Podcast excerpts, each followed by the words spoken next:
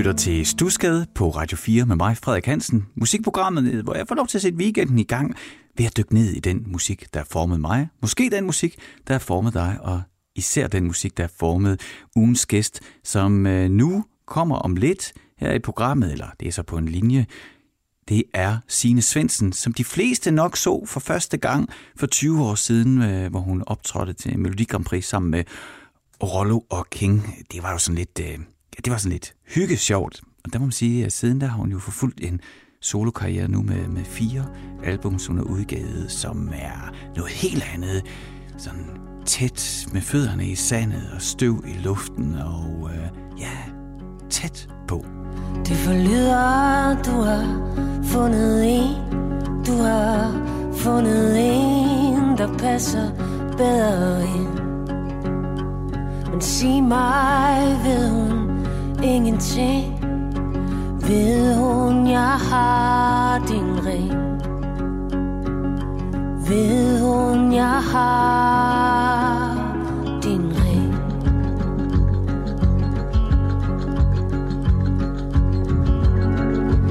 Hvor skal jeg nu gå hen? Kan du sige mig, hvor jeg kan finde fred?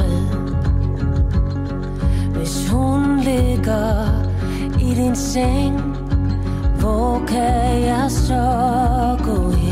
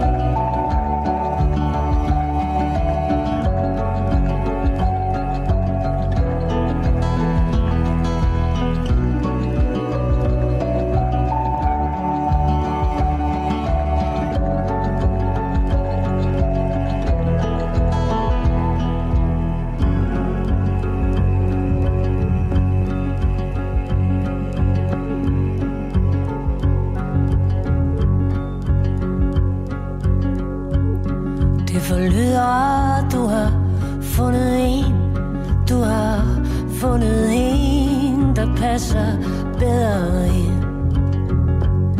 Men sig mig, ved hun ingenting? Ved hun, jeg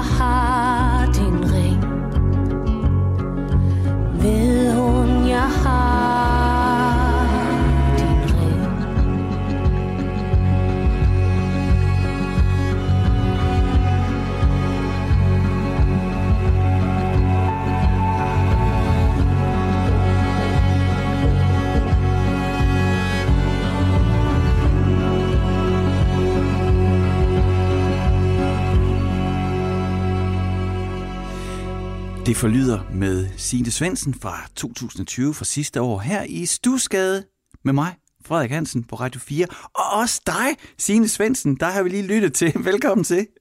Tak skal du have. Og tak fordi du vil være med. Det glæder mig meget til. Det er jo, øh, jeg siger lige sådan en fair warning, det er jo, øh, det er jo sådan et, øh, blevet sådan en slags øh, terapiprogram for musikere, Signe. Rigtigt. Ja. Gud, det, glæder mig meget. fordi, fordi, jeg tror, vi har brug for mange af os. fordi det, det, er jo ikke, det er jo ikke, jeg er jo ikke sådan et program, der handler om det nyeste single eller noget. Det handler om den musik, der formet os. Jeg mener, her øh, hver fredag på, øh, på Radio 4, der får jeg lov til sådan at bare dykke ned i den musik, der har formet os. Den musik, der formet mig, og, og den musik, der formet alle de lytter, der skriver ind. Og, og nu kommer det altså til at handle om den musik, der har formet dig. Fordi Altså, ligesom med alle mulige andre ting i livet, der brænder man jo ind i ting mere eller mindre tilfældigt, alt efter hvad man tror på, ikke?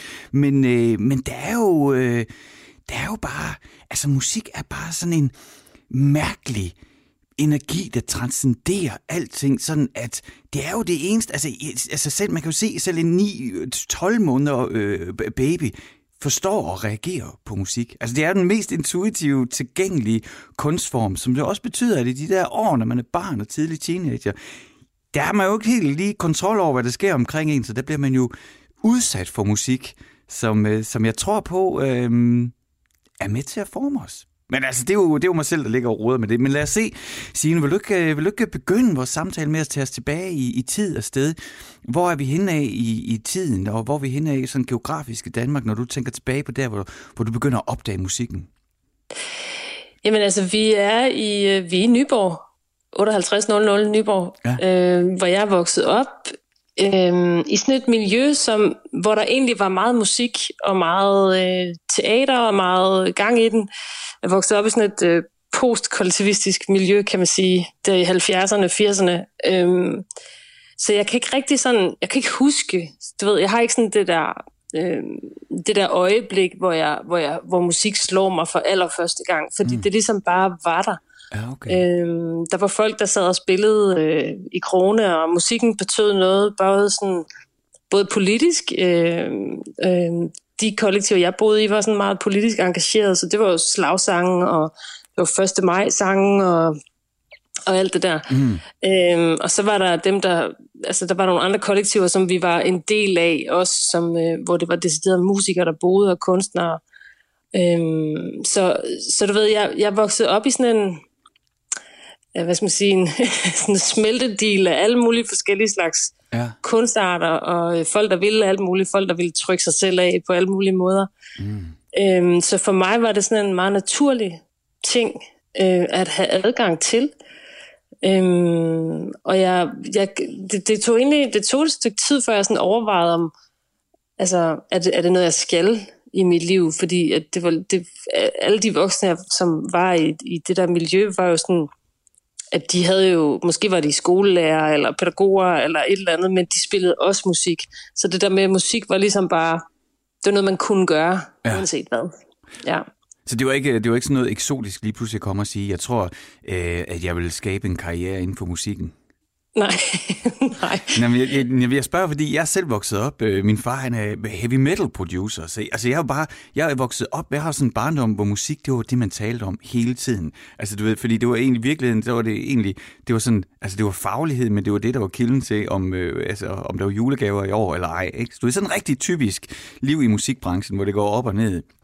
Øh, så, så, så for mig, der er det jo sådan noget, jeg bare har talt om hele livet. Men, men øh, nu hørte vi lige øh, Det Forlyder, som jo er, er produceret af den gode Lars Gerbæk. Og ham havde jeg også øh, på besøg, ikke? Og det er bare så sjovt med ham, fordi han er jo også et gennemmusikalsk menneske. Og han er bare vokset op i et hjem, hvor da, det var der ikke nogen interesse for. Nej, Nej, det er rigtigt.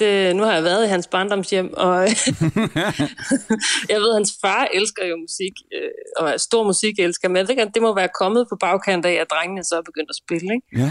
Øhm, tror jeg faktisk, ja. Men altså, der var masser af musik, og der var masser af, altså de voksne hørte rigtig meget musik, øhm, så det der med øh, kæmpe store pladesamlinger, og, øhm, og sådan noget, der bare var adgang til, så det er sådan, jeg ved ikke, jeg får, jeg får, på et tidspunkt får jeg sådan et, øh, du ved, sådan konfirmationsagtigt anlæg. Jeg bliver aldrig konfirmeret, men du ved, sådan mm-hmm. et med pladespiller og to kassettebåndoptager yes. ved siden af hinanden, så man kunne øh, faktisk også om en mikrofon engang, hvilket jeg synes var ret fedt. Ja. Så man synge ind, og så du ved, bytte om på båndene, og så synge oven på sig selv. Og, at, no. Ja, ja, men altså, du, er, så du er i gang med dit uh, eget hjemmelavede multitracking derhjemme. Afspille og synge, og opspille, afspille og synge. Den, det, øh, den leg har jeg også lavet med, med to Lightsoul båndoptager ved siden af hinanden. Men det, ja, men det er jo fantastisk, ikke, når man lige pludselig finder ud af, at, øh, at man også selv altså, kan manipulere og gøre med ting. Ah, men fortæl videre om dit konfirmationsanlæg. Det er elsker. Det er jo sådan en klassiker, især sådan, øh, skulle jeg lige til at sige, helt, altså især vores generation, ikke? Altså det der konfirmationsanlæg. Skal du et anlæg til konfirmationen? Jamen, der sker noget der, ikke? Altså, jeg tror, jeg fik det måske som 12-13 år. Jeg fik det før, fordi jeg skulle ikke konfirmere sig, ja. så jeg fik det lidt før. Men der begynder jeg jo så at, øh, at tage af min fars plader, øh, og, og, og luste dem op på mit værelse. Mm. så de begynder at bo hos mig stille og roligt.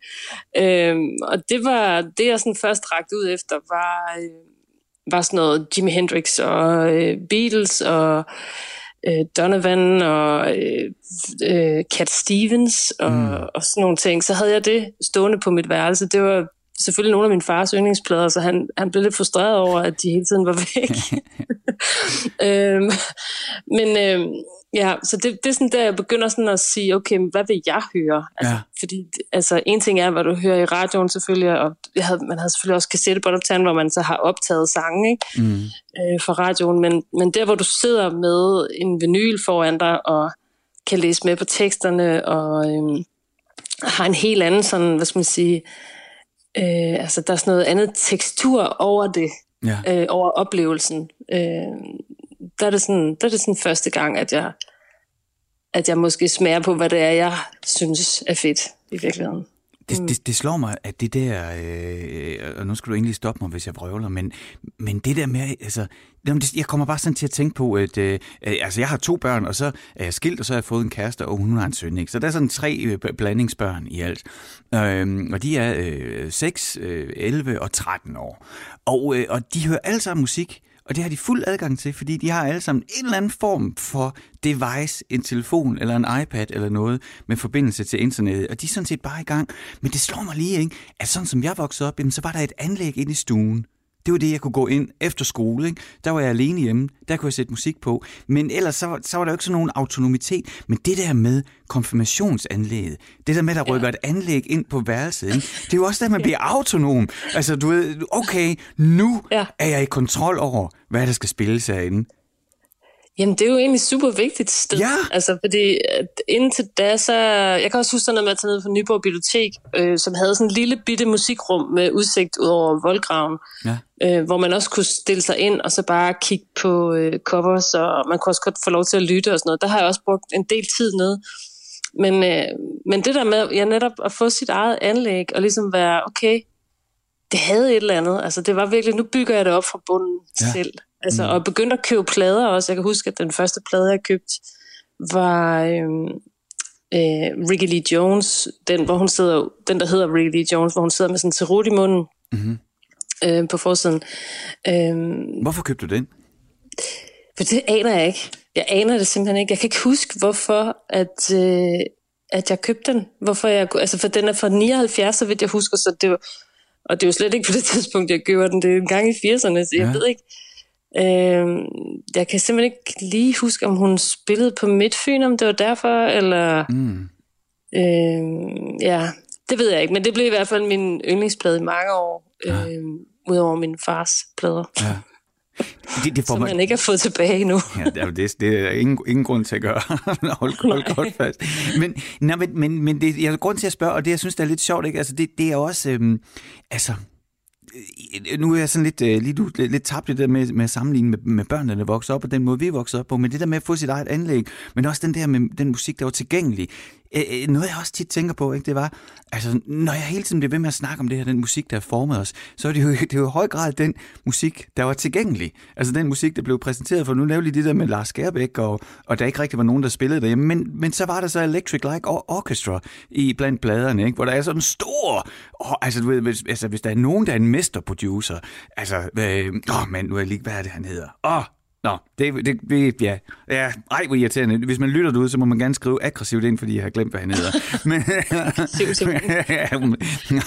men, øhm, men altså, jeg mener, der, der er han om noget alligevel, du ved, der har der været sådan en, en, en, en super producer på plader der, ikke? Hvor, hvor, hvor han så er blevet udsat. Og det, og det samme ikke det der med, at du ligesom kunne gå ned i din fars samling og plukke nogle ting øh, ud fra det valg, der ligesom var kurateret der, frem for i dag, hvor øh, man kan sige, at kurateringen er, er langt sværere øh, at få et overblik over, fordi alting er tilgængeligt. Og jeg, hele den her lange smør med at sige, at det er egentlig også oplevet, når jeg tænker tilbage, det er, at det, der var tilgængeligt, det faktisk også blev mit yndlings. Altså forstår du, hvad ja. jeg mener?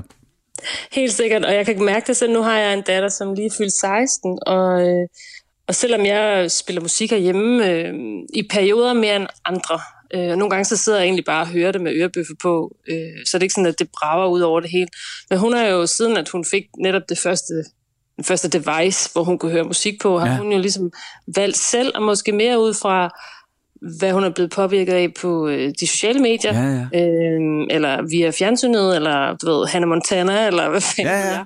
Altså, så den var igennem, hvor at den musik, jeg hører, på en eller anden måde bliver sekundær for hende, ja. øhm, fordi at hun har adgang til noget helt andet. Ja. Og det, det er du fuldstændig ret i, at øh, dengang, at vi var teens og, mm. og, og, og kids og sådan noget, der var vi sådan, vi var sådan lidt, øh, det afhang meget af, hvad de voksne kuraterede for os. Ja, nemlig.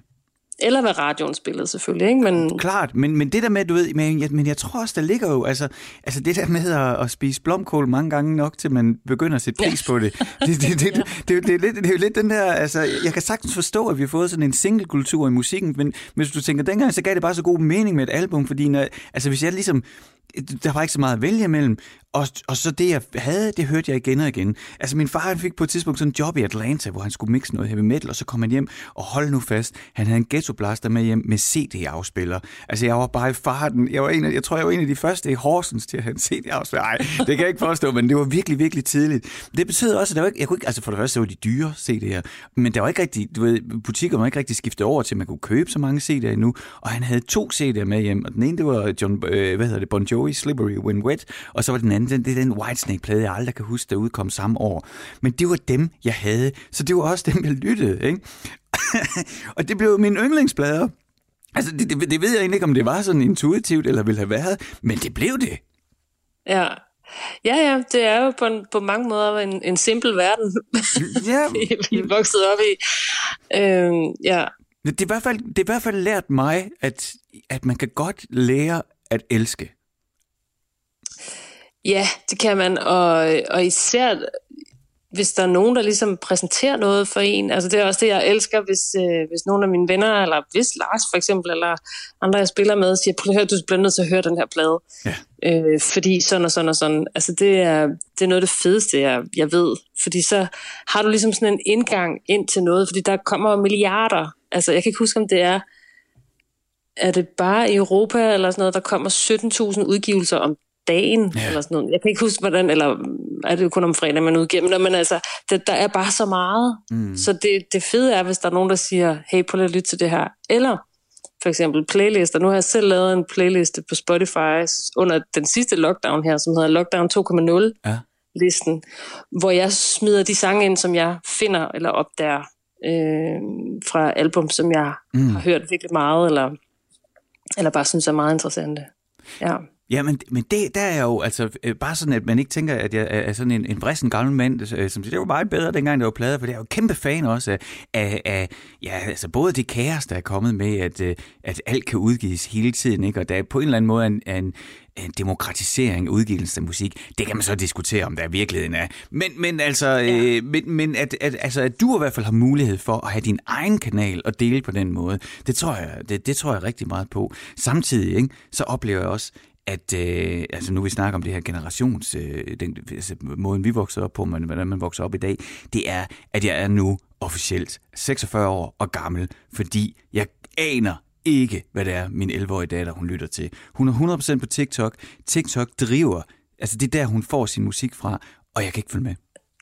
Ja. Altså, men jeg gider heller ikke sige Nej, nej, jamen det er også, det, altså det der musik, der bliver kørt op på TikTok, noget af det er meget sådan altså meget opkørt, eller meget sådan øh, øh, effektivt, eller hvad man skal sige. Yeah. Så det, det, det er ligesom ikke rigtig på linje med øh, den musik, som, som vi måske tænder på, eller altså, du ved, et godt groove, eller en god tekst, eller ja. god sangskrivning. Altså, det er bare meget, det er meget effektivitet, kan man sige, lige for de der 11, 12, 13-årige.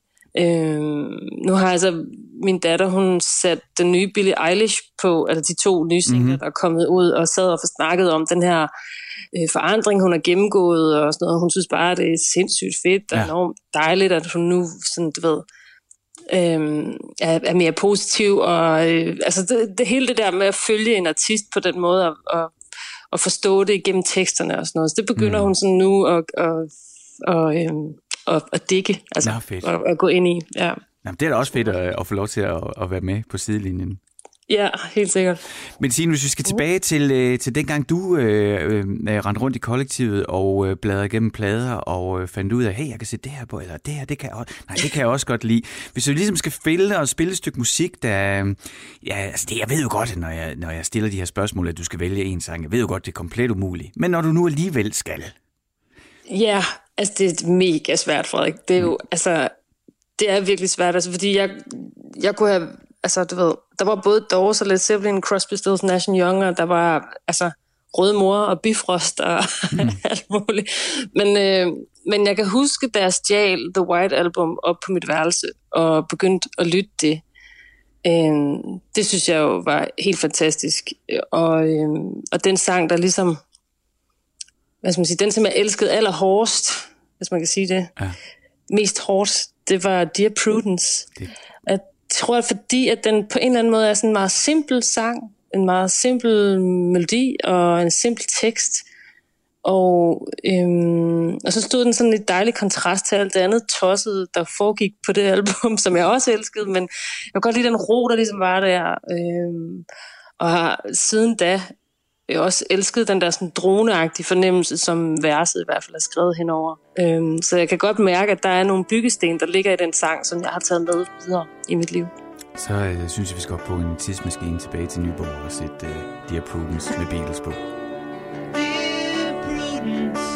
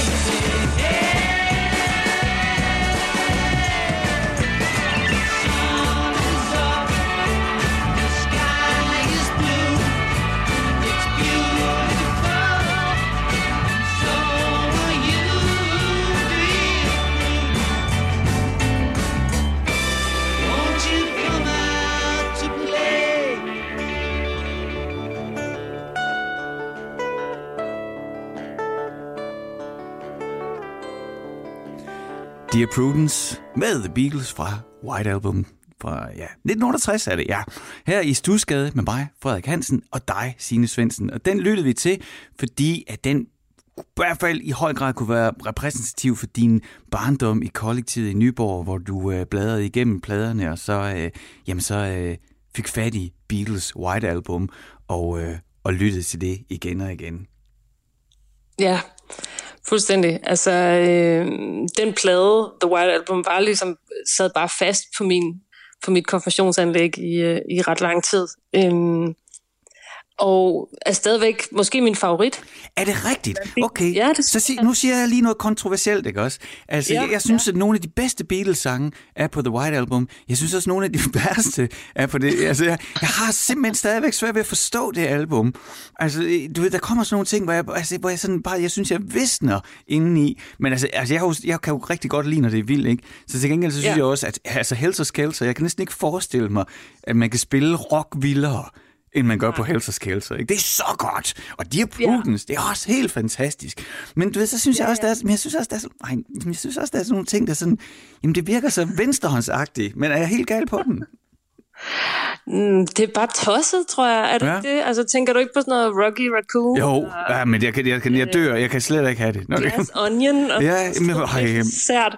Er det, er det, hvad, det er jo bare fedt. Altså, det, det, hvad med uh, Maxwell's Silver Hammer? Er den også på White Album, eller er det senere? Det kan jeg ikke lige huske. Nå. Øh, nej, det tror jeg ikke, den er. Nej, det er senere. Jeg er ikke, jeg er ikke Beatles-ekspert, det må Nej, nej, nej, det er jo heller ikke det, det skulle. Det er mere, jeg synes... Jeg, okay, nu, det er noget råd. Er det rigtigt? Ja. Også Revolution number 9. Nej, det kan jeg godt lide. Jamen, det kan jeg godt lide. Jeg kan godt lide det psykedeliske. Det er bare fordi, altså min yndlings ja. Beatles-blad, det er Revolver. Fordi jeg synes, det er, altså, du ja. ved, det er bare sådan, wow! altså jeg kan næsten ikke forestille mig et bedre værk.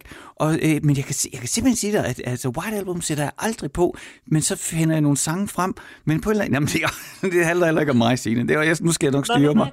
Nå, men det er ret interessant, fordi at jeg tror, Altså, jeg kan også godt lide Revolver. Jeg kan også godt lide sådan de der sådan helstøbte, hvor du kan høre en hel Beatles-plade, så det er bare sådan, wow, nu ja, ja. den næste sang, og det er helt sindssygt, og hvor det bare hænger godt sammen, og hvor ja. det er vildt skrevet og sådan noget. Men det, jeg synes, der er fedt ved de album, hvor der ligesom er sådan nogle ting, der skrider i svinget, det er, at, at du får sådan hele paletten med på en eller anden måde, men det er klart, at det er ikke sådan en, du har kørende i baggrunden, mens du har øh, en eller anden par meter op og køre. altså, ja, måske det er det. Måske, måske er det virkelig en det, jeg skulle gøre. Det er jo det, men, øh, ja. Nej, men det er, også, ja. det er også bare mig, der er selvfølgelig, jeg, du er helt klart ikke alene om at, at elske det album.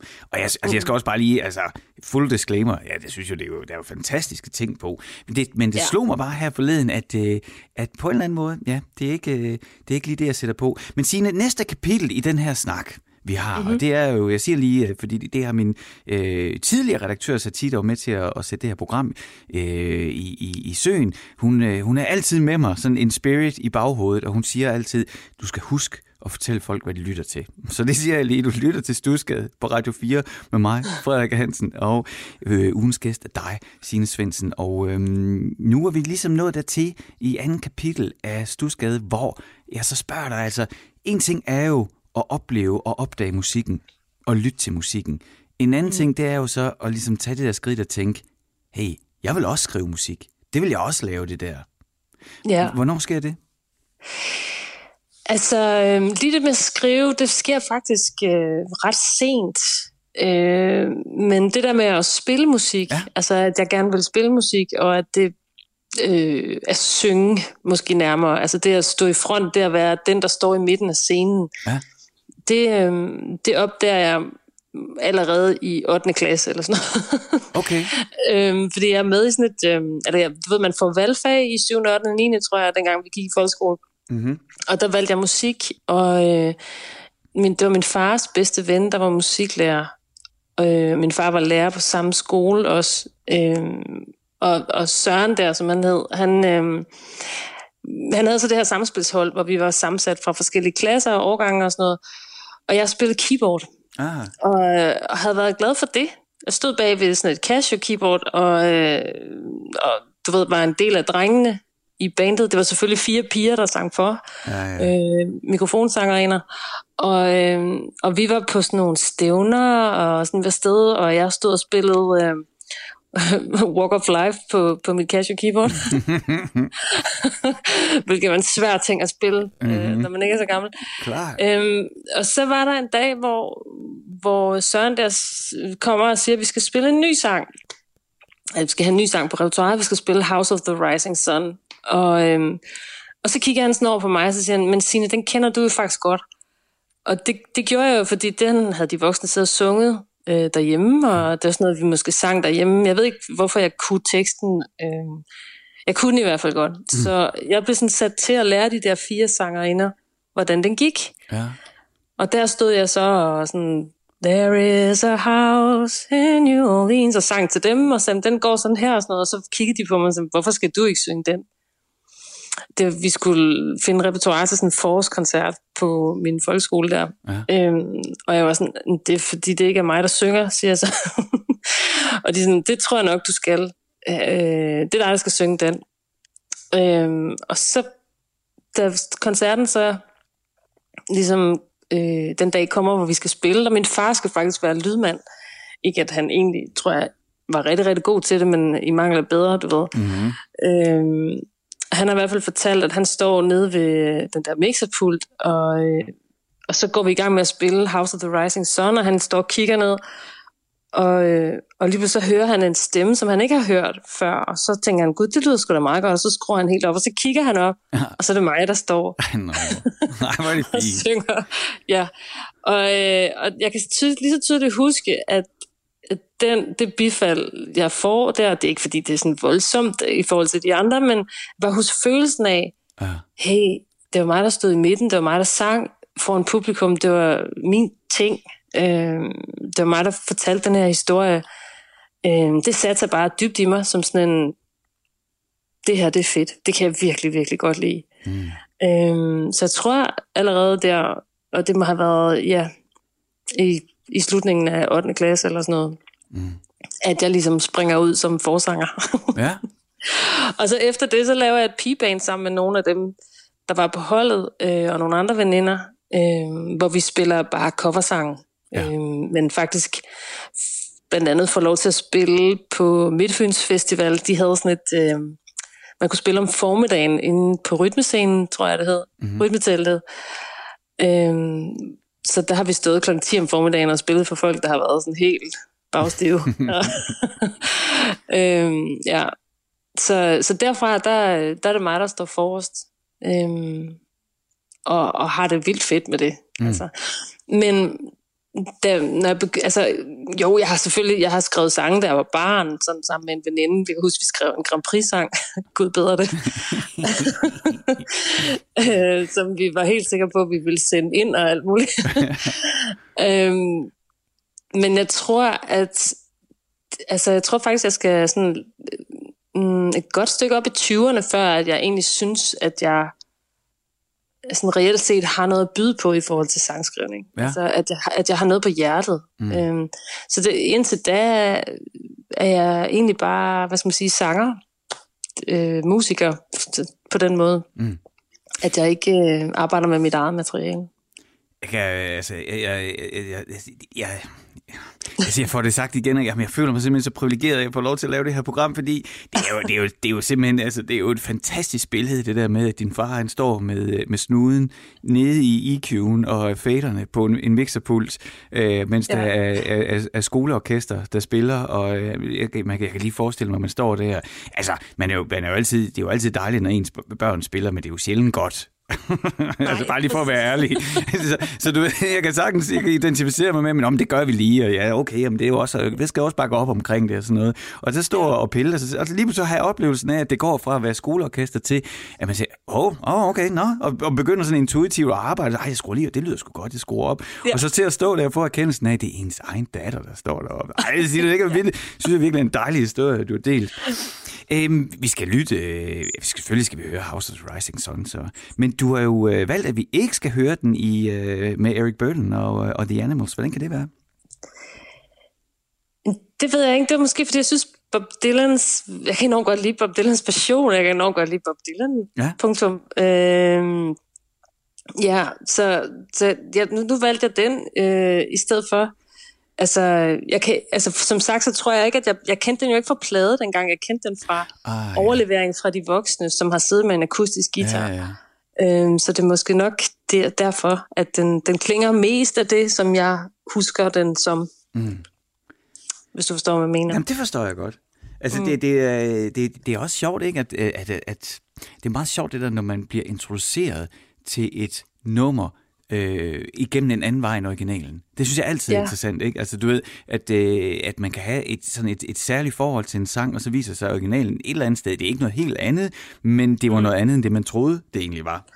Øh, Jamen det kan, altså, det kan sådan synes jeg, der, der er mange af de der sådan, øh, hvad skal man sige, folkesange, eller sådan, øh, folkemusikersange, som, som er blevet overleveret til mig på den måde, ja. som en, der har siddet på en dårlig spansk guitar og, og, og råbe den ud over, ja.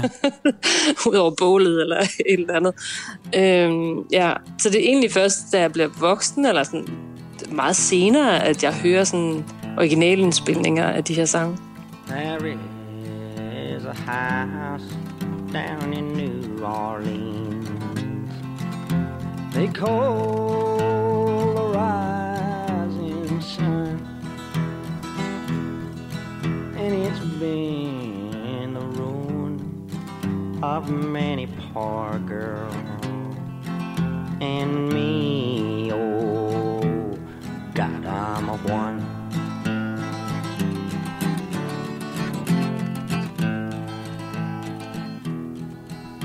My mother was a tailor.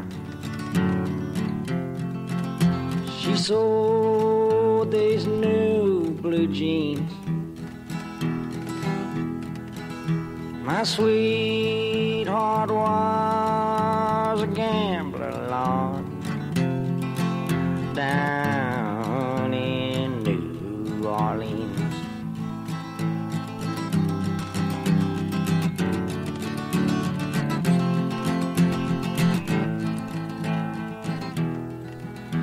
Now the only thing a gambler needs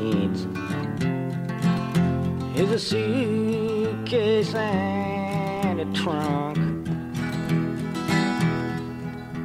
And the only time he's satisfied is when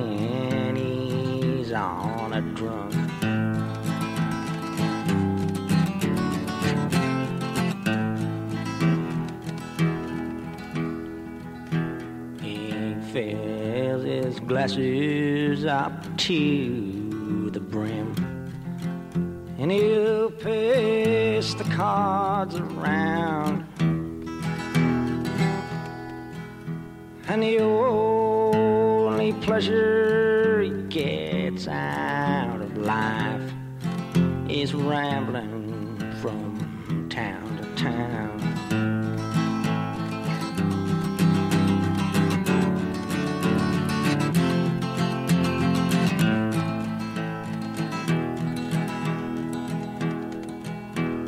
take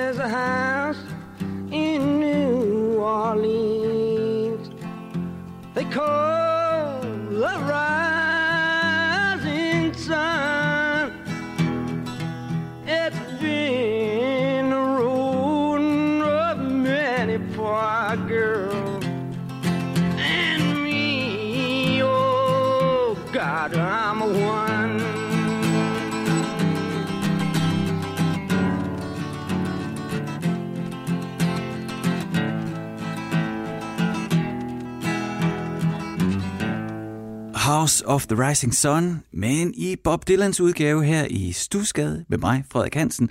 Og dig, Signe Svendsen, den havde du ønsket, fordi at øh, du simpelthen har malet øh, dagens billede for mig, hvor du står øh, egentlig øh, keyboardspiller i dit skoleband, men øh, nu kunne du jo lige øh, være House of the Rising Sun, den kunne du, og den skulle du egentlig lære de fire piger bag mikrofonerne at synge, men alle var enige om, ah, måske er det alligevel bedre, at du gør det. Og så gør du det så til skolekoncerten, hvor sjovt nok din far, han er inviteret som lydtekniker, uden at lige vide, hvad der skal ske. Og så mens han står og roder af knapperne, der begynder du at synge, og så skruer han op, uden lige at tænke over det, så ser han, at det er dig, der står og leverer den. Og det bifald, du får der, der fik du, øh, hvad man siger, den første gang er gratis, og så, øh, så er du afhængig. Ja, ja, ja fuldstændig. Ja. Det det. Ja, så har jeg sgu været afhængig af det skidt. Please, klap af mig. Kom, klap.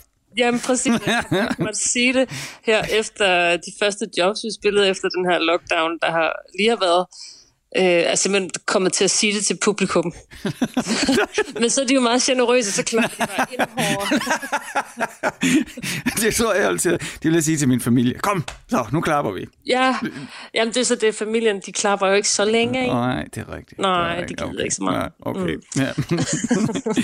Nå, men øh, vi kravler jo. Det ikke, fordi programmet er slut endnu, men øh, vi er jo i sidste øh, tredjedel, skulle jeg til at sige. Eller det skulle jeg ikke til at sige, det sagde jeg rent faktisk, og det er vi også.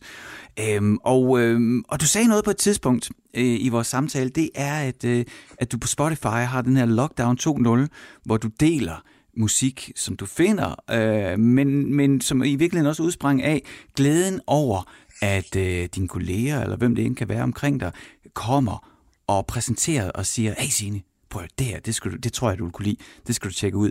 Og så får man på en eller anden måde sådan en gave, ikke? når nogen kommer mm. og gør det.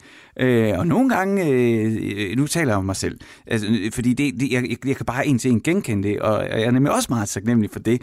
Og, og du ved, nogle gange så får jeg noget, som, øh, som holder i to uger, og så skamhører jeg det bare på alle løbeture. Øh, og så mm. nogle gange, så får man jo noget, som er for resten af livet. Altså, ja. øh, hvad hedder det, Markus Winterjohn, den, den, den gamle forsanger for Inside the Whale, øh, han øh, sagde engang for mange, mange år siden til mig, der, der, der snakkede vi om musik, og så sagde jeg, kender du egentlig Jellyfish? Og så sagde nej. Og så, mm. så måden han lyste op på, da han nu vidste, at nu kunne han give mig noget, altså, som var helt fantastisk, ikke? Og så, ja, okay, ja, ja. Og jeg skyndte mig jo ned, øh, bare på hans anbefaling at købe, og så, altså, det, det, det, de to Jellyfish-album er sådan nogle, jeg bærer med mig i dag. Og hver gang jeg sætter dem på, så tænker jeg også på Markus, og tænker, åh, det var fandme godt, du sagde det, altså. Jamen, det er præcis, ikke? Det er sådan nogle oplevelser, som bare er helt fantastiske. Altså, du, det er da også, hvis du møder nogen, som ikke har hørt, i dit tilfælde, Jellyfish, ja. at du så kan give den videre. Yeah. Det, det er bare noget af det bedste øh, den fedeste følelse. Lige. Altså, og jeg har det sådan, at jeg, altså jeg, øh, jeg er sgu meget nysgerrig på musik, og, og, og hører sådan, jeg holder meget øje med, hvad der sker, selvfølgelig i en bestemt genre øh, mest. Mm. Men, men ellers øh, er sådan meget...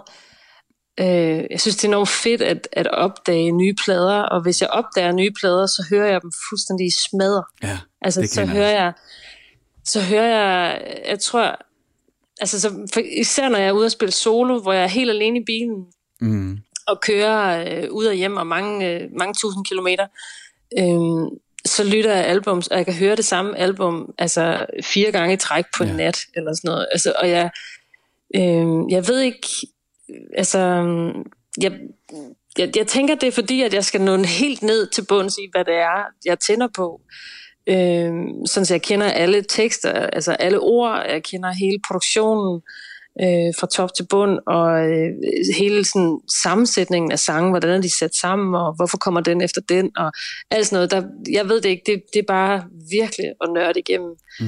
Øh, ja, og det, det er det, det synes jeg er helt fantastisk. Altså, jeg er ikke så meget... Øh, altså, nu har jeg den der Lockdown 2.0-listen, som selvfølgelig er enkelte sange, jeg har taget ud fra albums, men ellers så er jeg ikke sådan en single-rytter på den måde. Nej. Jeg kan godt lide at høre hele albums, ja. hele værker. Det er sådan meget altmodisk, men... Øh, Ja, der, der, der, kan der, der kan jeg fortælle dig, jeg, jeg tog sådan en meget woke beslutning for et par år siden, at øh, du, altså, øh, og, og jeg skal lige skynde mig at sige, ingen anklager og ingen bebrejdende blikke til nogen, der lytter med lige nu, men jeg tog bare sådan en beslutning om, øh, at jeg skulle ikke Spotify, og jeg vil ikke streame, jeg vil købe og downloade. Ja. Øh, og det er simpelthen, øh, jeg har gjort den, altså det, det, altså, det, altså, det, det, mener, det, det, det, det koster også penge, fordi at den beslutning, jeg har taget, det er, hvis jeg ligesom hører noget, som jeg reagerer positivt på, så, øh, uden, så skal jeg uden at tænke på det, så skal jeg købe albummet. Altså, øh, mm. du ved, med, med de økonomiske begrænsninger, der nu er i en, i en ganske Ja, almindelig ja. privatøkonomi, men altså, jeg prøver, altså, det, det startede jeg for et par år siden, og så køber jeg dem bare digitalt. Altså, nogle gange køber jeg også vinyler, det, de er så lidt dyrere, ikke? så det, det, er, det er lidt sjældnere. Men det der med, du ved, så kan jeg høre et nummer i radioen, eller nogen præsenterer noget for mig, så går jeg ind med det samme, øh, i det her tilfælde i iTunes Store, og så køber jeg albummet, og så har det på min telefon.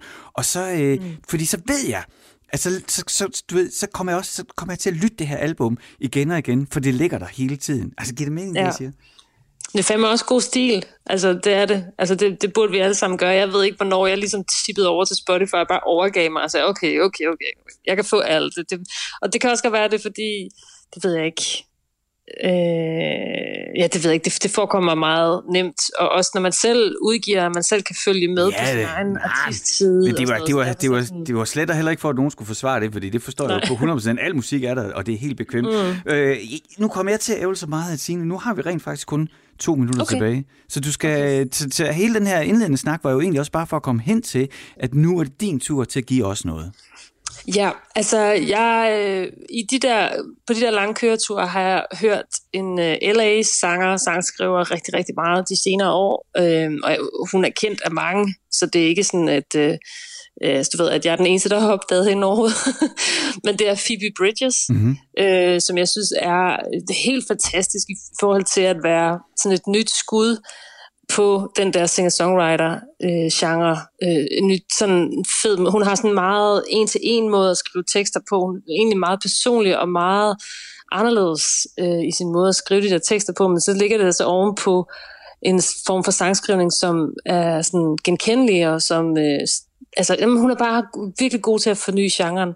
Og så har jeg nørdet hele øh, miljøet omkring hende. Øhm, en af hendes medproducer hedder Ethan Groska, som jeg også kan anbefale rigtig meget. Han har udgivet et album her sidste år, som jeg også hørte fuldstændig smadre. Mm. Og så elsker jeg også hendes connection til Matt Berninger for The National, og hele den der Desner, øh, Aaron Desner og Bryce Desner, som jo er de der tvillingebrødre, der spiller i The National øh, hele deres måde at producere på og, og være musiker på. Og det, det, det er sådan en helt sådan en kultur omkring de der ja. mennesker, som jeg bare har nørdet fuldstændig. Fedt. Men udgangspunktet er Phoebe Bridges, øh, og den her sang er fra hendes øh, ja, debutalbum, øh, som kom vel i 18, vil jeg tro.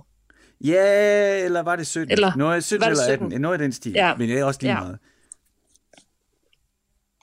Jo, så ja, vi, jeg, jeg klipper ud her. Øh, du Okay. forsvandt, der, der, kom lige, du forsvandt lige. Men, Nå, okay. Ja, du kan jeg høre dig. Øhm, Okay. vi, men det, det er kun de sidste 5 sekunder, der lige forsvandt. Nå, shit. Det er ingen problem, jeg klipper det. Øhm, det, det jeg nåede at høre dig sige, det var, at du kom til øh, Phoebe Bridgers debutalbum. Ja. Øh, Så altså, hvad- der, jeg, jeg stiller lige et spørgsmål, så kommer vi i gang. Ja. på det. Øhm, yes, ja, Phoebe Bridgers øh, debutalbum Stranger in the Alps. Øhm, og hvad skal vi lytte derfra? Vi skal høre Scott Street, som jeg synes er øh, en super fed produktion, og starter helt stille med øh, den fedeste akustisk guitarlyd, jeg nogensinde har hørt. Sådan helt tør, øh, ikke, ikke særlig nærmest død, fuldstændig vildt fed. Og jeg ville ønske, at jeg havde en guitar, som lød sådan der. Mm. Øh, og så udvikler det sig faktisk til sådan et øh, lidt Beatles-agtigt øh, kaos til slut. Jeg elsker produktionen, og jeg synes, sangen er helt fantastisk. Det, øh, det vil jeg glæde mig til at spille her og selv lytte til. Signe Svendsen, tusind tak, fordi at du var med i Studsgade. Det synes jeg virkelig, virkelig var hyggeligt. Jamen selv tak, og tak for terapi. Ja, du ringer bare. Vi laver, jeg laver gerne en time to. Det tror jeg, at, altså det, det, det, det kan være, at vi skal lave sådan en øh, til efteråret, så lige, lige lave en opfølgning sådan siden sidst. Det, det kunne jeg forestille mig, det kunne der være noget godt i. Ja, helt sikkert. Jeg er, jeg er klar. Lad os lytte til uh, Phoebe Bridges. Og endnu en gang, uh, Signe Svendsen, tusind tak, fordi du var med. Selv tak. Walking Scott Street feeling like a stranger With an open heart, open container